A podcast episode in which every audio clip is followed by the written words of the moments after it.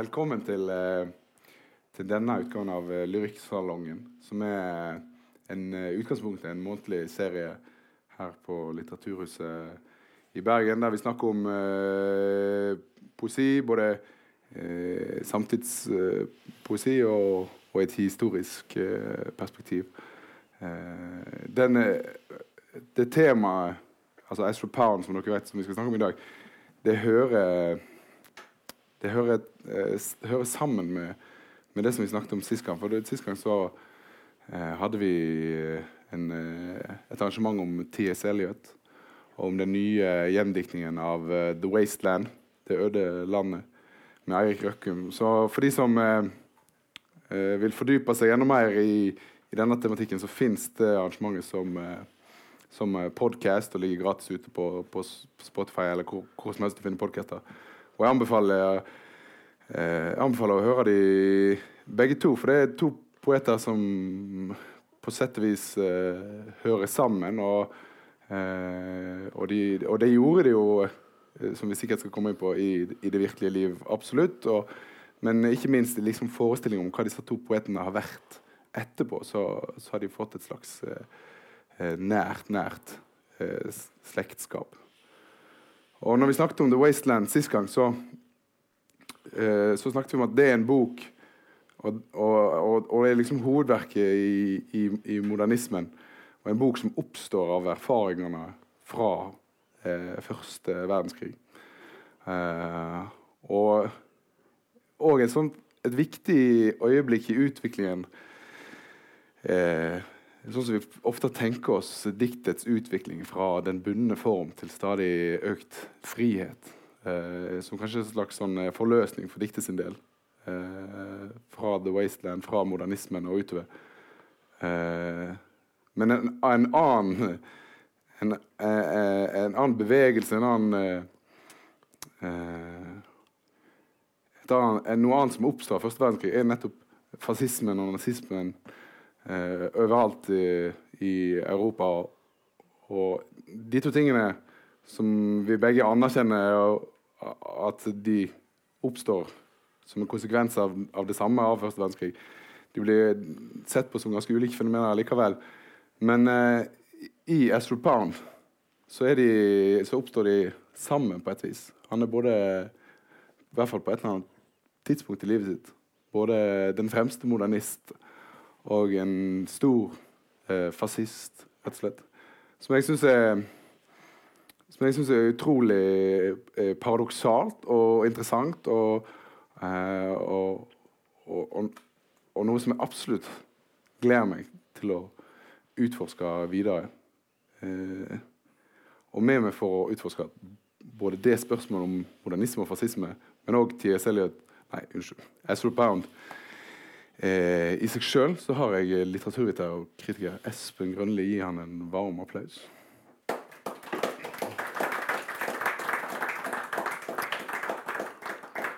Og Espen Grønli han er Han jobber som, eh, som førsteamanuensis på UiO eh, til vanlig.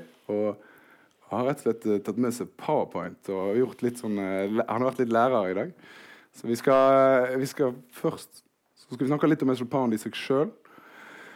Og så når vi er kommet gjennom powerpointen, så skal vi ta opp igjen tråden med fascisme, eh, modernisme, hvordan dette, dette henger sammen. Eh, men først et, eh, et, spørsmål som er like enkelt som det er vanskelig. Ezra Pound. Hvem er, hvem er Ezra Pound? Han er jo modernismens pave. Han er erkemodernisten. Og så er han, selv om han er med å løsrive diktet fra de bundne former osv., ekstremt tradisjonsbevisst. Og så løser han diktet. Kanskje for mye, vil noen si. Han ødelegger han det. Drar inn for mye frihet i diktet. Så det blir bare en slags kollasj av sitater derfra, herfra og derfra. Og bruker han til propaganda. Vi kan komme tilbake til det. I hvert fall Pound.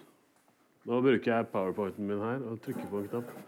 Så kan dere se at han var født i 1885 og døde i 1972. Han bodde mange steder. Han var født i USA, i Idaho. Bodde store deler av oppveksten i Pennsylvania. Eh, var godt utdanna innenfor romanske språk. Han kunne ha lært seg altså både gresk og latin. Ikke så veldig godt, har eh, ekspertene funnet ut. da. Han var sånn halvstudert røver.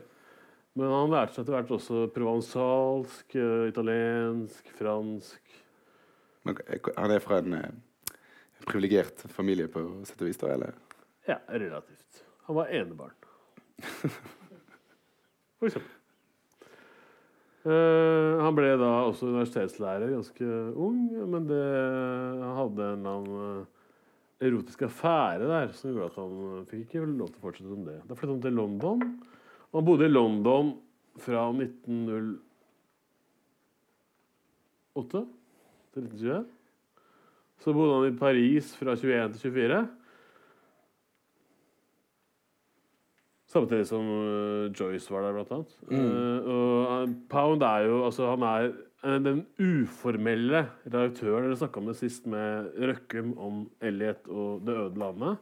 Han er som den uformelle redaktøren av The Wasteland. Men han gjør virkelig enorme grep i diktet. Og Elliot selv mener at Pound tok The Wasteland fra noen små med masse utkast og gjorde det til et ordentlig dikt. Mm. Jeg vil også si uten Esther Pound ikke noe James Joyce Ulysses. Han var en anfører for Ulysses som gjorde at den romanen ble fullført. Noe vi kan spekulere ellers ikke ville ha blitt. Okay, Kan, kan, jeg stoppe deg litt? Når han mm. eh, løfter frem disse verkene, i, måte, eh, hva posisjon er det han gjør det ut ifra? Er det fordi han, han er Er han forlegger, liksom, eller er det i, form av hans kunstneriske integritet? Eller kan du si noe? Jeg tror han gjør det fordi han er genuint opptatt av det kunstneriske som disse andre kollegene hans har fått til. Men han gjør det i egenskap av å ha et ganske bredt nettverk og, og være en, en uh, veldig aktiv brevskriver, f.eks. Som korresponderer rundt omkring. Sørger for at ting blir publisert her og der. Folk som kanskje er litt mer øh, forsiktige med å publisere. Pound sørger for at dette må bli publisert. Han liksom drar tekstene ut av dem og sørger for at de som kanskje er litt tvilende til å la så radikale tekster bli publisert, faktisk publiserer dem. Så det er Pound. Og så drar han til Italia. Det gjør han kanskje nettopp fordi der skjer det noe interessant og nytt for han. da. Nemlig at i 22, 1922 så har Mussolini hatt den såkalte marsjen mot Roma. Som er en sånn begynnelse på fascismens gjennombrudd i Italia. Der bor, og Pound drar dit i 24 og bor der i Rapallo, altså nordvest, ikke langt unna Genova, i over 20 år. Han holder bl.a. taler til fordel for Mussolinis regime mot de allierte under andre verdenskrig, og blir eh, tiltalt for landsforræderi. Eh, internert i Pisa, eller nær Pisa, og senere ble han satt på sinnssykehus i Washington DC fordi han blir erklært utilregnelig, ikke eh, skikket til å stå for retten. Så han er sånn sett en amerikansk variant av Hamsun i denne sammenheng. Så bor han 13 år på sinnssykehus i Washington DC, før han reiser tilbake på, til Italia, der han bor i 14 år etter han dør. Kan vi, før, før, før du går, vi går videre um, Kan vi si noe om uh, Når er det han uh, etablerer seg som, som forfatter her, og, og, og, og, hva status er det han får på disse stedene? Går han her og er relativt ukjent? Uh, altså er denne modernismebevegelsen eh, Hva interesse er det, er det egentlig for det, eller er det noe sånt som vi prosjekterer tilbake på det betydningen av den bevegelsen? Pound forstår at avantgarde alltid vil være smalt i samtid. Han skjønner at det kan være strategisk for en bevegelse, gunstig, å være, gjøre noe i små, eksklusive formater. Så, men så skjønner jeg at hvis man virkelig har funnet noe genuint interessant, så vil det før eller siden bli oppdaget og anerkjent. Uh, men jeg slått meg når jeg jobba med Pound, som jeg har skrevet en doktorgrad om, da, uh, så, så, slo det meg at uh, i mellomkrigstida, der Pound faktisk er på tale ganske, ganske seriøs som en mulig nobelprismottaker i litteratur, så er han rett og slett en stor intellektuell i samtidens internasjonale uh, forståelse. Han er, han er, sammen med la oss si, skikkelser vi nesten alle har hørt om, Sigmund Freud, Albert Einstein og en del sånne folk. Han er der oppe. Det er ettertida som gjør at du ikke ser Pound som en av de store intellektuelle fra første halvdel av 90-tallet pga. hans åpenbare politiske feiltagelser. Mm. Men det er virkelig sånn at han var regnet, i hvert fall i amerikansk, i hvert fall i britisk-amerikansk sammenheng, som en av de store poetene, en av de store lærde. en av de som virker, og, og Det å være poet og være lærd det var ikke den samme motsetningen kanskje kan framstå som i dag. Mm. Det var, det var, poeten var en lærd, og Pound var en lærd poet. Ja, og så Skal vi si litt om utvalgte verk av Pound. Altså, Pound utga allerede i 1908 for egne penger i Venezia en diktsamling med tittel 'Etter Dante' 'Alume Spento, henta fra Dante. Og det var 100 eksemplarer eller 150 eksemplarer jeg husker ikke, uh, som han bekostet selv. Og den er selvsagt verdt en formue i dag. Og, mm. Men sånne ting, uh, sånne ting, hadde han en fornemmelse av. Vi kan vi si at det er tåpelig utsagt, sånn, men det er det er interessant med Pound at han som erkemodernisten også forsto hvordan det smale nødvendigvis ville bli anerkjent som noe viktig. Og da er han bare 20 år gammel sånn, når han debuterer? Han er et par og 20 år gammel. Så ble han hyra til å holde noen forelesninger i London, der han bor, om, om provansalske trubadurer, om Dante, om renessanse og middelalderlitteratur. De utgir han altså en bok, eh, 24 år gammel. Så blir det en bok eh, der han har fått holde forelesninger i, i London. Og så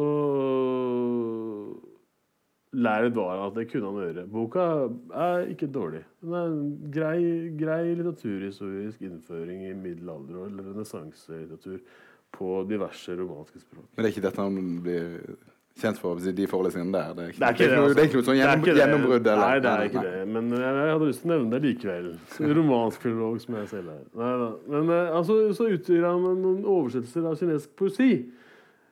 29 år gammel.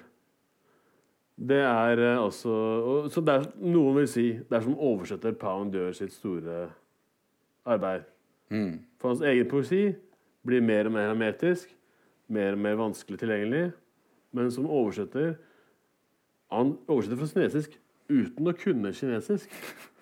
Men han gjør det altså på en måte som åpnet opp verdien av klassisk kinesisk poesi for en rekke lesere som bare kunne lese engelsk. Men er, i hvert fall. er det mulig å bare si noe mer om det? Hvordan oversetter du fra kinesisk uten å kunne kinesisk? Er det ordbok, eller er det hvordan Nei, du, du, du, baserer deg på noen verk som allerede finnes av, på engelsk. Mm. da. Ja, der noen har oversatt det litt mer enten mer bokstavelig eller faktisk enda mer eh, formelt og klingende. Så hjemliggjort det, som heter i oversettelsesteorien. Gjort det som om det var engelske dikt med rim og rytme. Og ta, Fjerne pan, rim og rytmen. stryker masse adjektiver. Og viser nakenheten i diktet. Han gjør nesten en slags redaktørjobb der òg, da. Eh, ja. Mer enn han gjør en oversettelsesjobb strengt tatt, kanskje? Ja, Det er kanskje ikke oversettelse som er ordet. Nei. Det er en gjenskaping av noe noen hadde lagt et grunnlag for. Ja. Men er det kinesisk poesi? Hvem vet? Det er flott poesi. Ja. Allerede 40 år gammel så kan han utgi en uh, bok som står der borte i salg. Personae, kaller han det. Det er masker, betyr det. Altså sånne masker som Han hadde liksom en dikt der han antok ulike roller, der han liksom talte på vegne av historiske skikkelser, poeter og sånn. Han tok liksom deres uh, ord i sin munn på en eller annen måte. Gjenskapte deres skikkelser. Det kalte han personai, flertallet av persona, som betyr maske. Og han kalte sine samlede dikt uh, persona. The Collected Poem, Poems of Extra Pound er undertittelen. Senere skrev han også verk og prosa, ABC of Reading, som er en slags innføring i det å lære å skrive og lese poesi. Guide to Culture, som har blitt kalt en av de første verkene i sånn eh, amerikansk sånn cultural studies, eh, som det heter i dag. Og så har TS Eliot redigert på 50-tallet en utvalg av Pounds Literary Essays som har vært ganske mye lest. I hvert fall har mange av i bokhylla å si. Men så er hovedverket, da, The Cantos. En ekstremt innfløkt, vanskelig, 800 sider langt verk som han selv kalte et dikt. Selv om det er delt i over 100 kantoer, da, som det blir å si.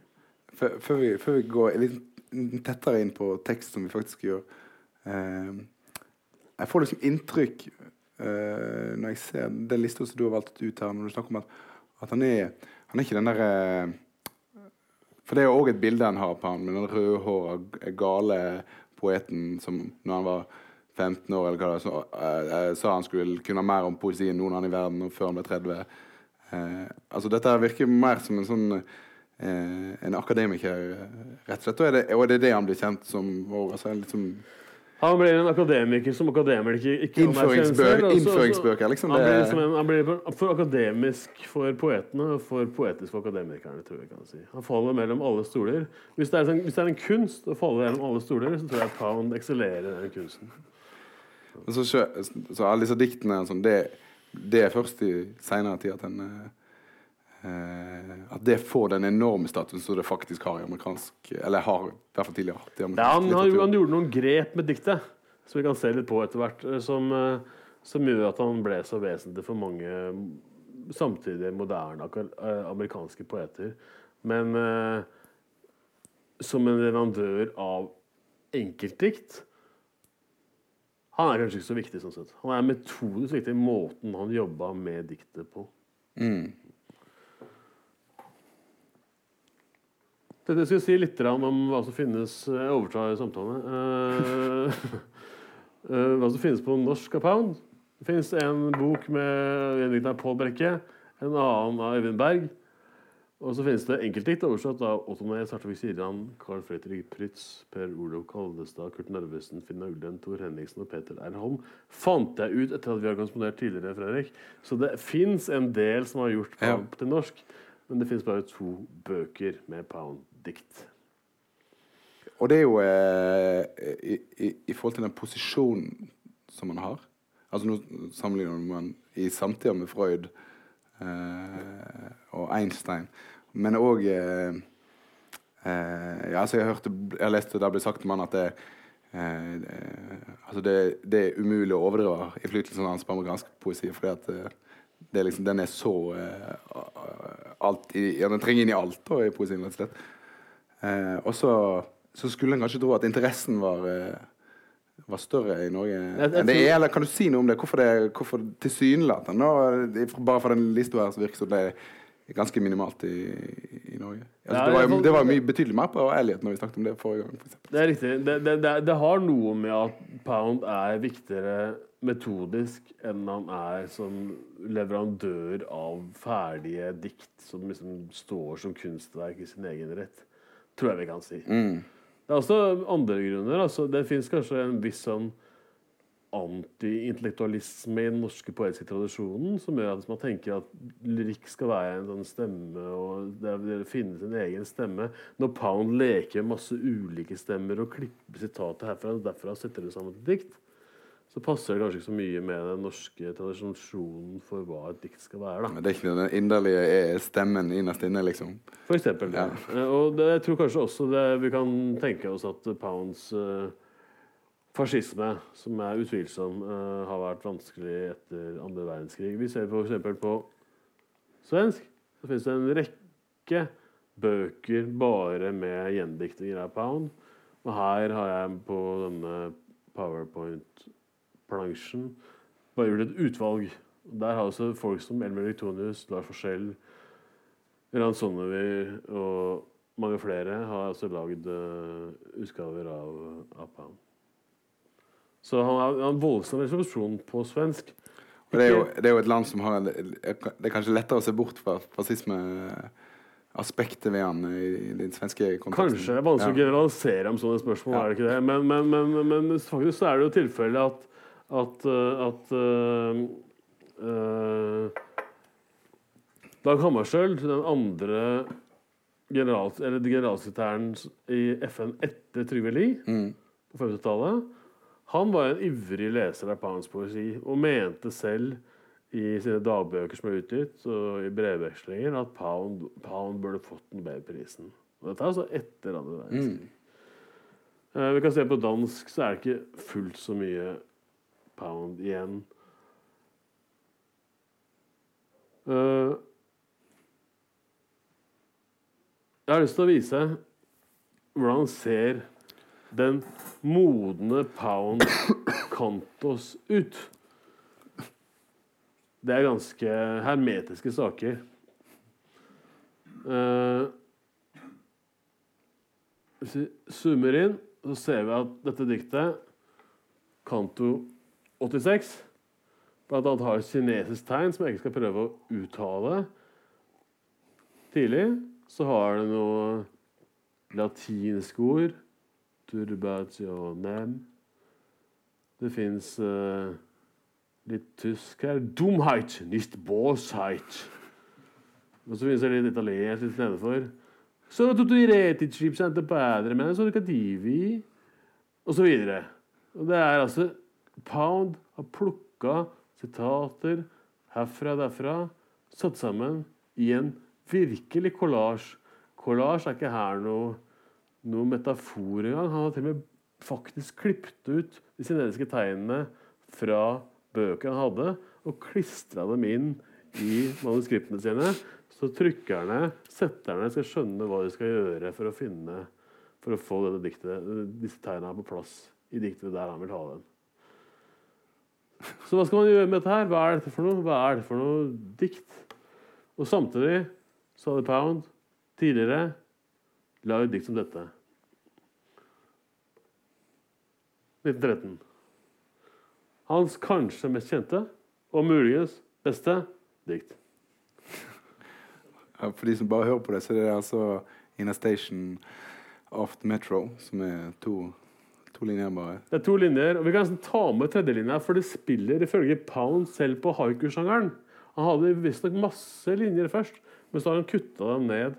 Så det er inspirert av japansk haiku-sjanger. Så det sitter igjen med tittelen 'In a Station of the Metro', altså på en stasjon i Undergrunnsbanen. Og så 'The Apparition of These Faces in the Crowd'. Petals on a wet black bow. Tilsynekomsten av disse ansiktene i mengden kronblader på en ve- våt, sort grein. Hva er det for noe? Det er iallfall Hva er det? Imagisme. Audun Lindholm sier imagisme. Da stemmer nok det. Og hva er det? Nei, det var altså en, Vi kan kalle det et underbruk av modernisme. Nemlig Pounds egen uh, idé om at man skulle fokusere på klare, tydelige bilder.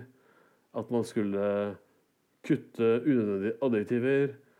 At man skulle finne en sangbar eh, musikalsk frase som ikke var tikkende som en metronom, som han sier i sine berømte tre teser, som er imagismens manifest.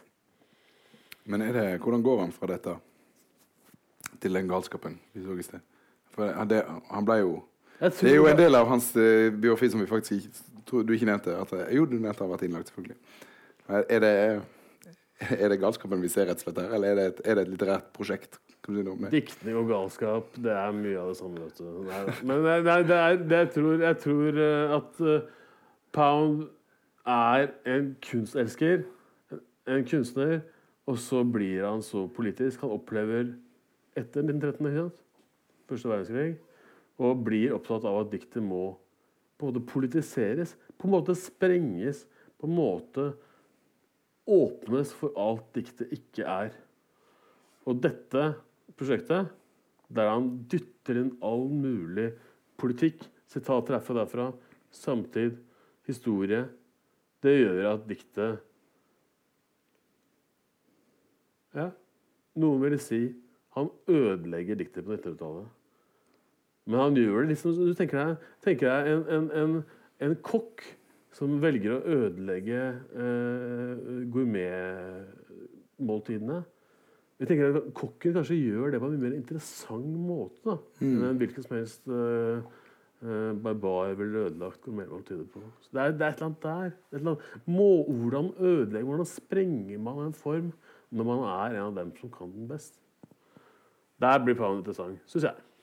Og, og det, er, det er knyttet nettopp til den erfaringen fra første verdenskrig at diktet ikke fungerer lenger sånn som det var før. Det, det, det er ikke, Noe ikke... sånt, derfor er det Pound blir ekstremt opptatt av, av første verdenskrig. Ikke fordi tror jeg, han syns det er så tragisk at det dør milliontalls mennesker, men fordi at det, noen av de fremste kunstnerne går tapt. Han er først og fremst en kunstner. Mm. Han er opptatt av kunst, kunsterfaring, kunstopplevelse, skaping av kunst.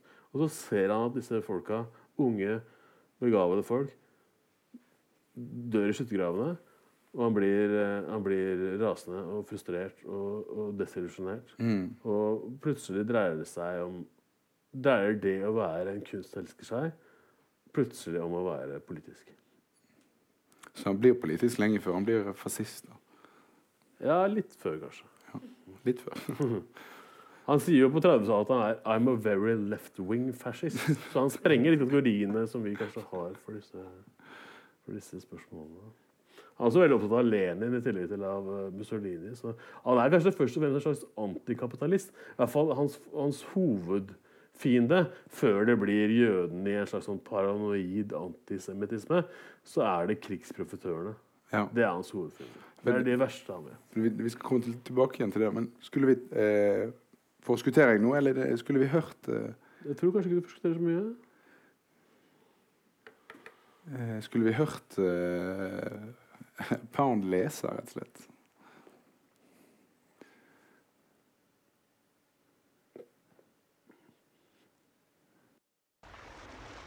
What thou lovest well remains, the rest is dross. What thou lovest well shall not be reft from thee. What thou lovest well is thy true heritage, whose world, or mine, or theirs, or is it of none? First came the scene, then thus the palpable Elysium, though it were in the halls of hell. What thou lovest well is thy true heritage, what thou lovest well shall not be reft from thee. The ant's centaur in his dragon world. Pull down thy vanity.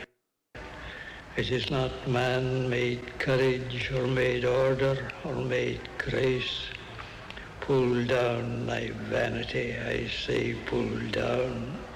Learn of the green world what shall be thy place in scaled invention or true artistry.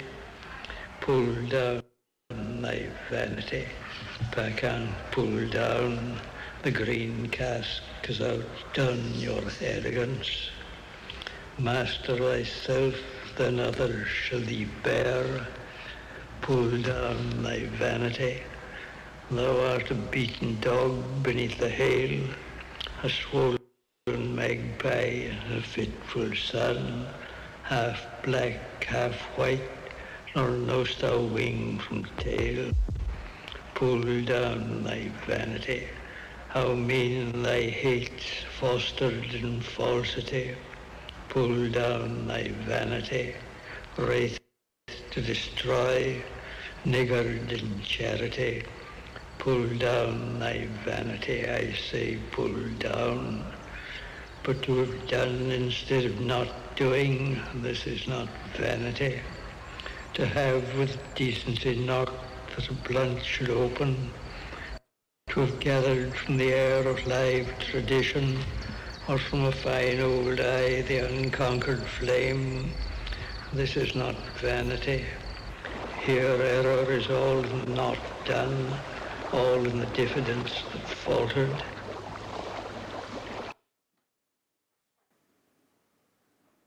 Ja. Dette er Pound som liksom har kommet tilbake til en klassisk lyrisk form. da Etter å ha gjort masse sprell. For det, for det, det, det, nå skulle jeg jo sikkert ha notert med det når vi har fant dette opptaket når det er fra, men den er jo åpenbart en eldre mann, og du vet vel kanskje noe når teksten er skrevet? Så.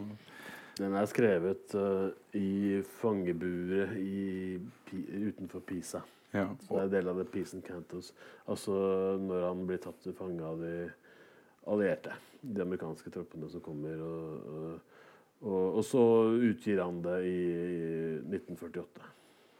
Og, og, så skulle du si at det nå er han tilbake til det tradisjonelle. Kan ikke du Akkurat i denne passasjen så spiller han på en sånn, tenker jeg da, på en sånn mer sånn klassisk lyrisk sangbarhet. Og, og,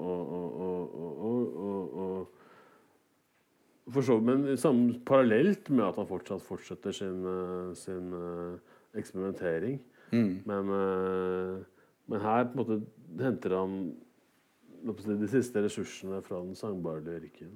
Jeg skulle gjøre, gjøre, en kort oversettelse. Har vi tid til Fredrik? Ja, ja, ja. Uh, av, av, av, dette her. Dette har jeg bare gjort det for min egen del. og Det er ingen ambisjoner om at det skal være noe gjendiktning. Men jeg prøvde å, å for, forklare litt hva, så, hva, det betyr, og så har jeg gjort noen grep for å synliggjøre at, at, det ikke bare er Jeg har ikke bare oversatt ordrett heller. Det du virkelig elsker, blir værende. Alt annet er slagg. Det du virkelig elsker, skal ikke tas fra deg. Det du virkelig elsker, er din sanne arv.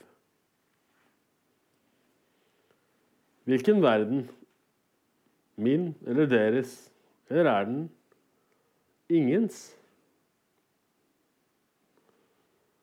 Først kom det vi kunne se. Deretter det vi kunne gripe. Elysion. Selv om det var i helvete selv. Det du virkelig elsker, er din sanne arv. Det du virkelig elsker, skal ikke tas fra deg. Mauren er en kentaur i sin verden av drager. Riv av deg alt du pynter deg med. Det er ikke mennesket som skapte motet, nåden, tingenes orden. Riv av deg alt du pynter deg med. Jeg sier riv det av. Lær av alt det grønne hvor du hører hjemme. I skapelsens hierarkier eller i sann kunst. Riv av alt du pynter deg med. Riv det av, Paquin. Med den grønne hjelmen forsvant all din eleganse. Når du er deg selv, vil alle tolerere deg. Riv av alt du pynter deg med. Bak bjeffingen er du en hund som blir slått. En oppsvulmet skjære i ustadig sollys. Halvt sort, halvt hvit. Og ikke skjelner du vinge fra halefjær. Riv av deg alt du pynter deg med. Ditt hat var så ondsinnet. Fostret til falskhet. Riv av deg alt du pynter deg med, så klar for å ødelegge alt. Du nådeløse nidding. Riv av deg alt du pynter deg med. Jeg sier, riv det av.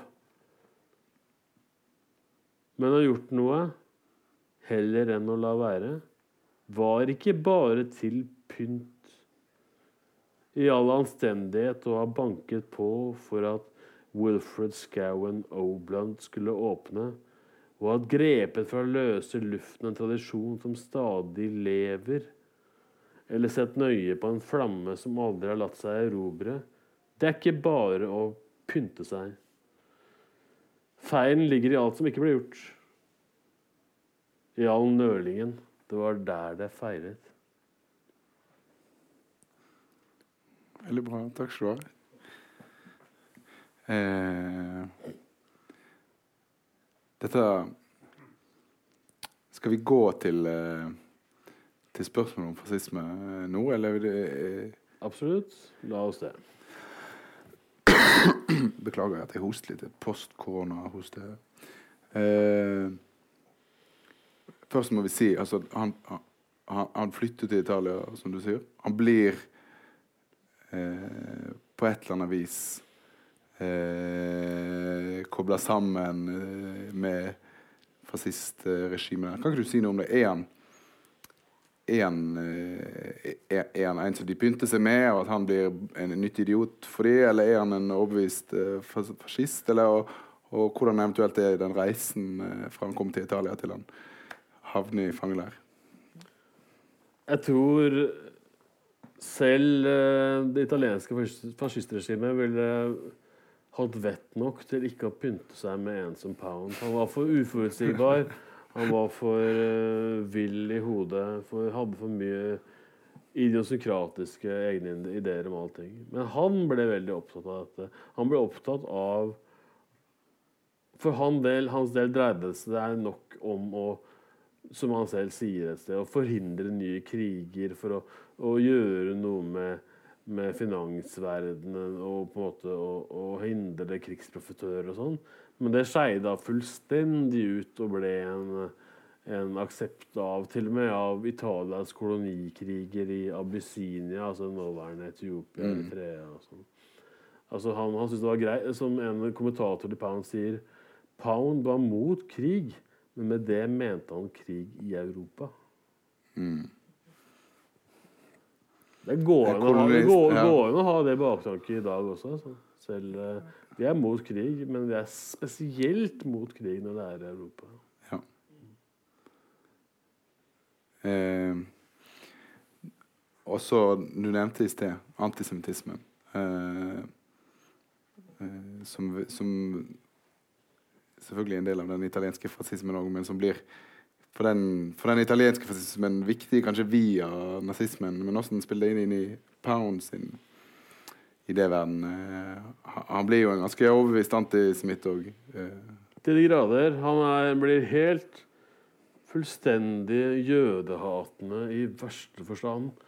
Det tipper altså så over at det er, det er helt grelt, for han fortsetter å skrive på slutten av krigen om jøder som basiller og bakterier og mikrober og hva nå ikke fortsetter å si.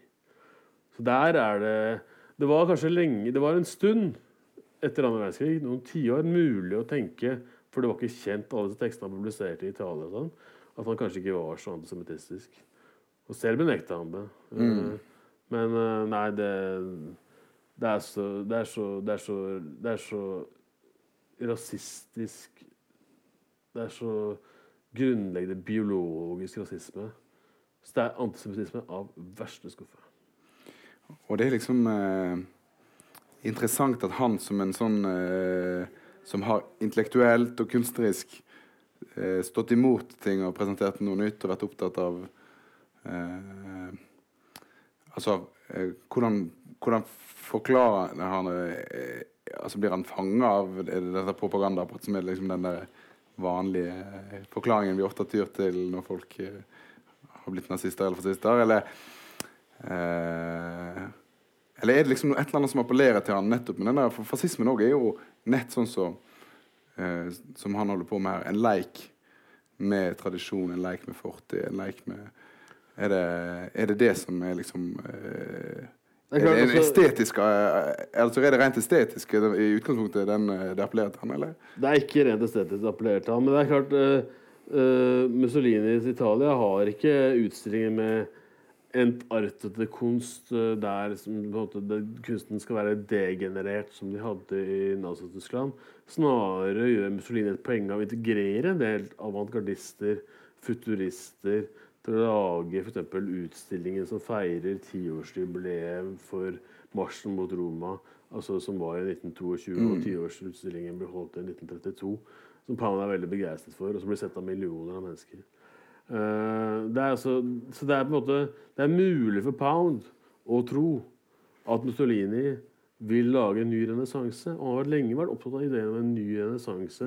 Der liksom herskeren, ved å knytte til seg de fremste kunstnerne og de fremste tenkerne, de fremste intellektuelle, de fremste kapasitetene, Å skape en sånn der ideal Han er en elitist, ikke sant? Ja. Han vil ha Han, vil ha, han tror på dette her. At det er mulig i 1930 å skape en stat der herskeren omgir seg med noen få utvalgte intellektuelle og kunstnere og greier å skape en uh, Der han selvfølgelig skal være blant de utvalgte. Helt åpenbart. Han, han, han, når, han, får anledning til å holde taler for, uh, for, i, Roma på, for, uh, som, uh, på engelsk, som går til blir, blir, blir, blir, sendt og kan høres i, i, i USA og Storbritannia, så, så opplever han at det er At han er utvalgt, på en måte. Men OK, så han var vel antagelig ganske syk i hodet, da. Han blir jo øh, innlagt og er innlagt i 13 år fra han er 60 år gammel til han er øh, Hva blir det? 73? Ja. Før han reiser tilbake og bor øh, ytterligere over et tiår i Italia. Så altså, han er altså vi, vi, har, vi må ha en viss aksept for at syke mennesker tror syke ting. Men det er så veldig vanskelig med en gang de får makt. Men, er, men er det en sånn høna og egg-situasjon her, liksom? At det, blir du gal pga. at du er, er liksom forsanger for fascismen i en krig som er ekstremt brutal, og som du taper? Eller er det liksom andre veien igjen at du, at du får den posisjonen? Han tror han er forsanger, Ja. men han er egentlig bare en klovn. Mm. Er Men I fascistenes øyne, liksom? Eller? ja, i fascistenes øyne, i alles øyne, tror jeg egentlig. Det er nå i ettertid det blir så graverende at han var fascist. Hvis vi greier å se han som en klovnete psykotiker, så blir det kanskje litt lettere å spise han likevel. Ja, for du sa jo at han ble stilt for, for riksrett, men, eh, men, men hva dom er han får? Nei, han blir erklært øh, ute av stand til å stå til rette, slik Hamsun ble. Men i motsetning til Hamsun da, så tilbringer han 13 år på, på sinnssykeasyl. Der han får besøk av en rekke poeter og, og, og, og, og, og, og intellektuelle som er interessert i å snakke med han. Men han, han, han er jo på en måte Han er selv da så, så er han ganske produktiv.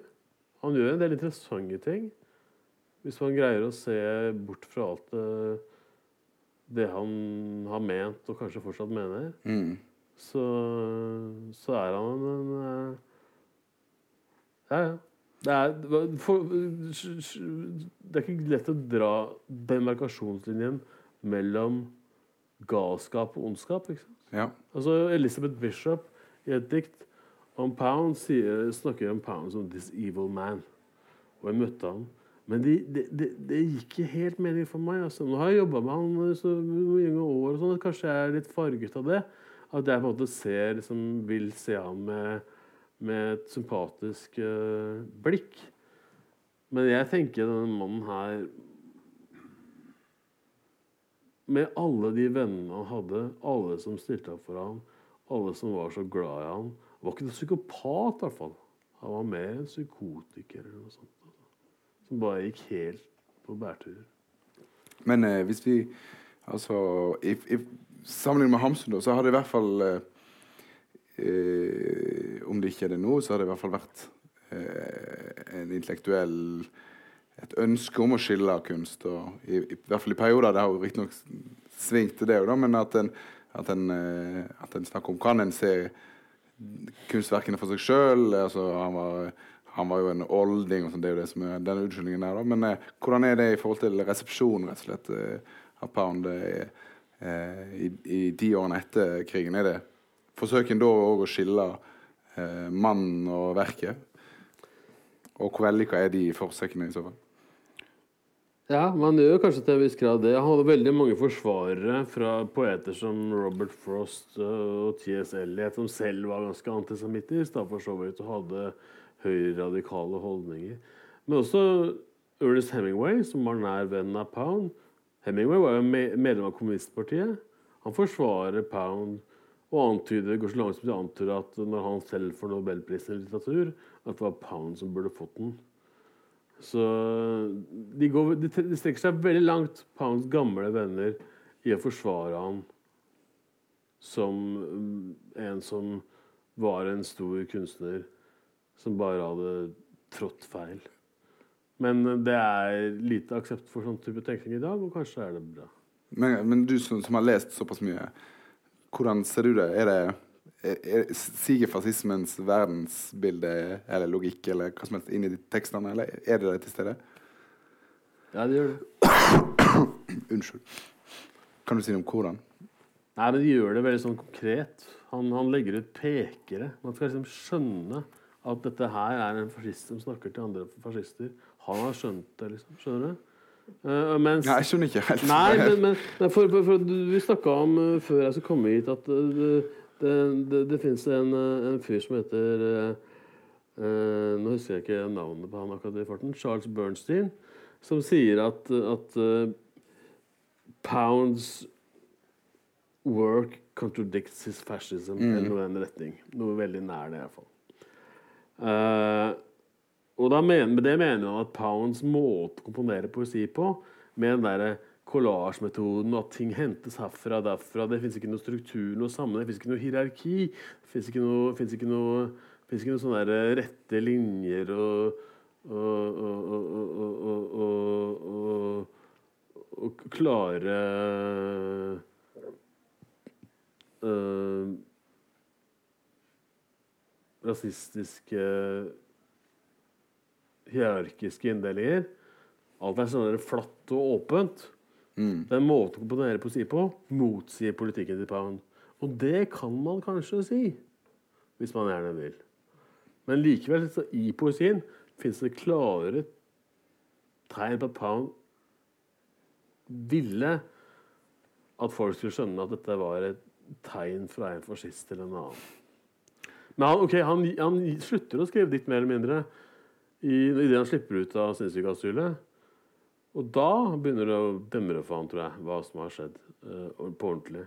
Og da De siste tolv årene av sitt liv så er han stort sett bare taus. Og, og, og, og, skriver ikke omtrent noe som helst.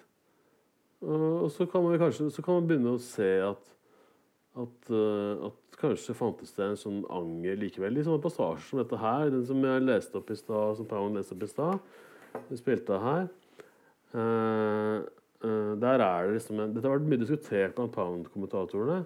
Er det Pound som angrer? Pull down thy vanity. Er det han som snakker til seg sjøl? Eller snakker han til han helt andre? Er det andre som skal passe på å ikke være så jålete? sånn? Eller er det han sjøl som ikke skal være det?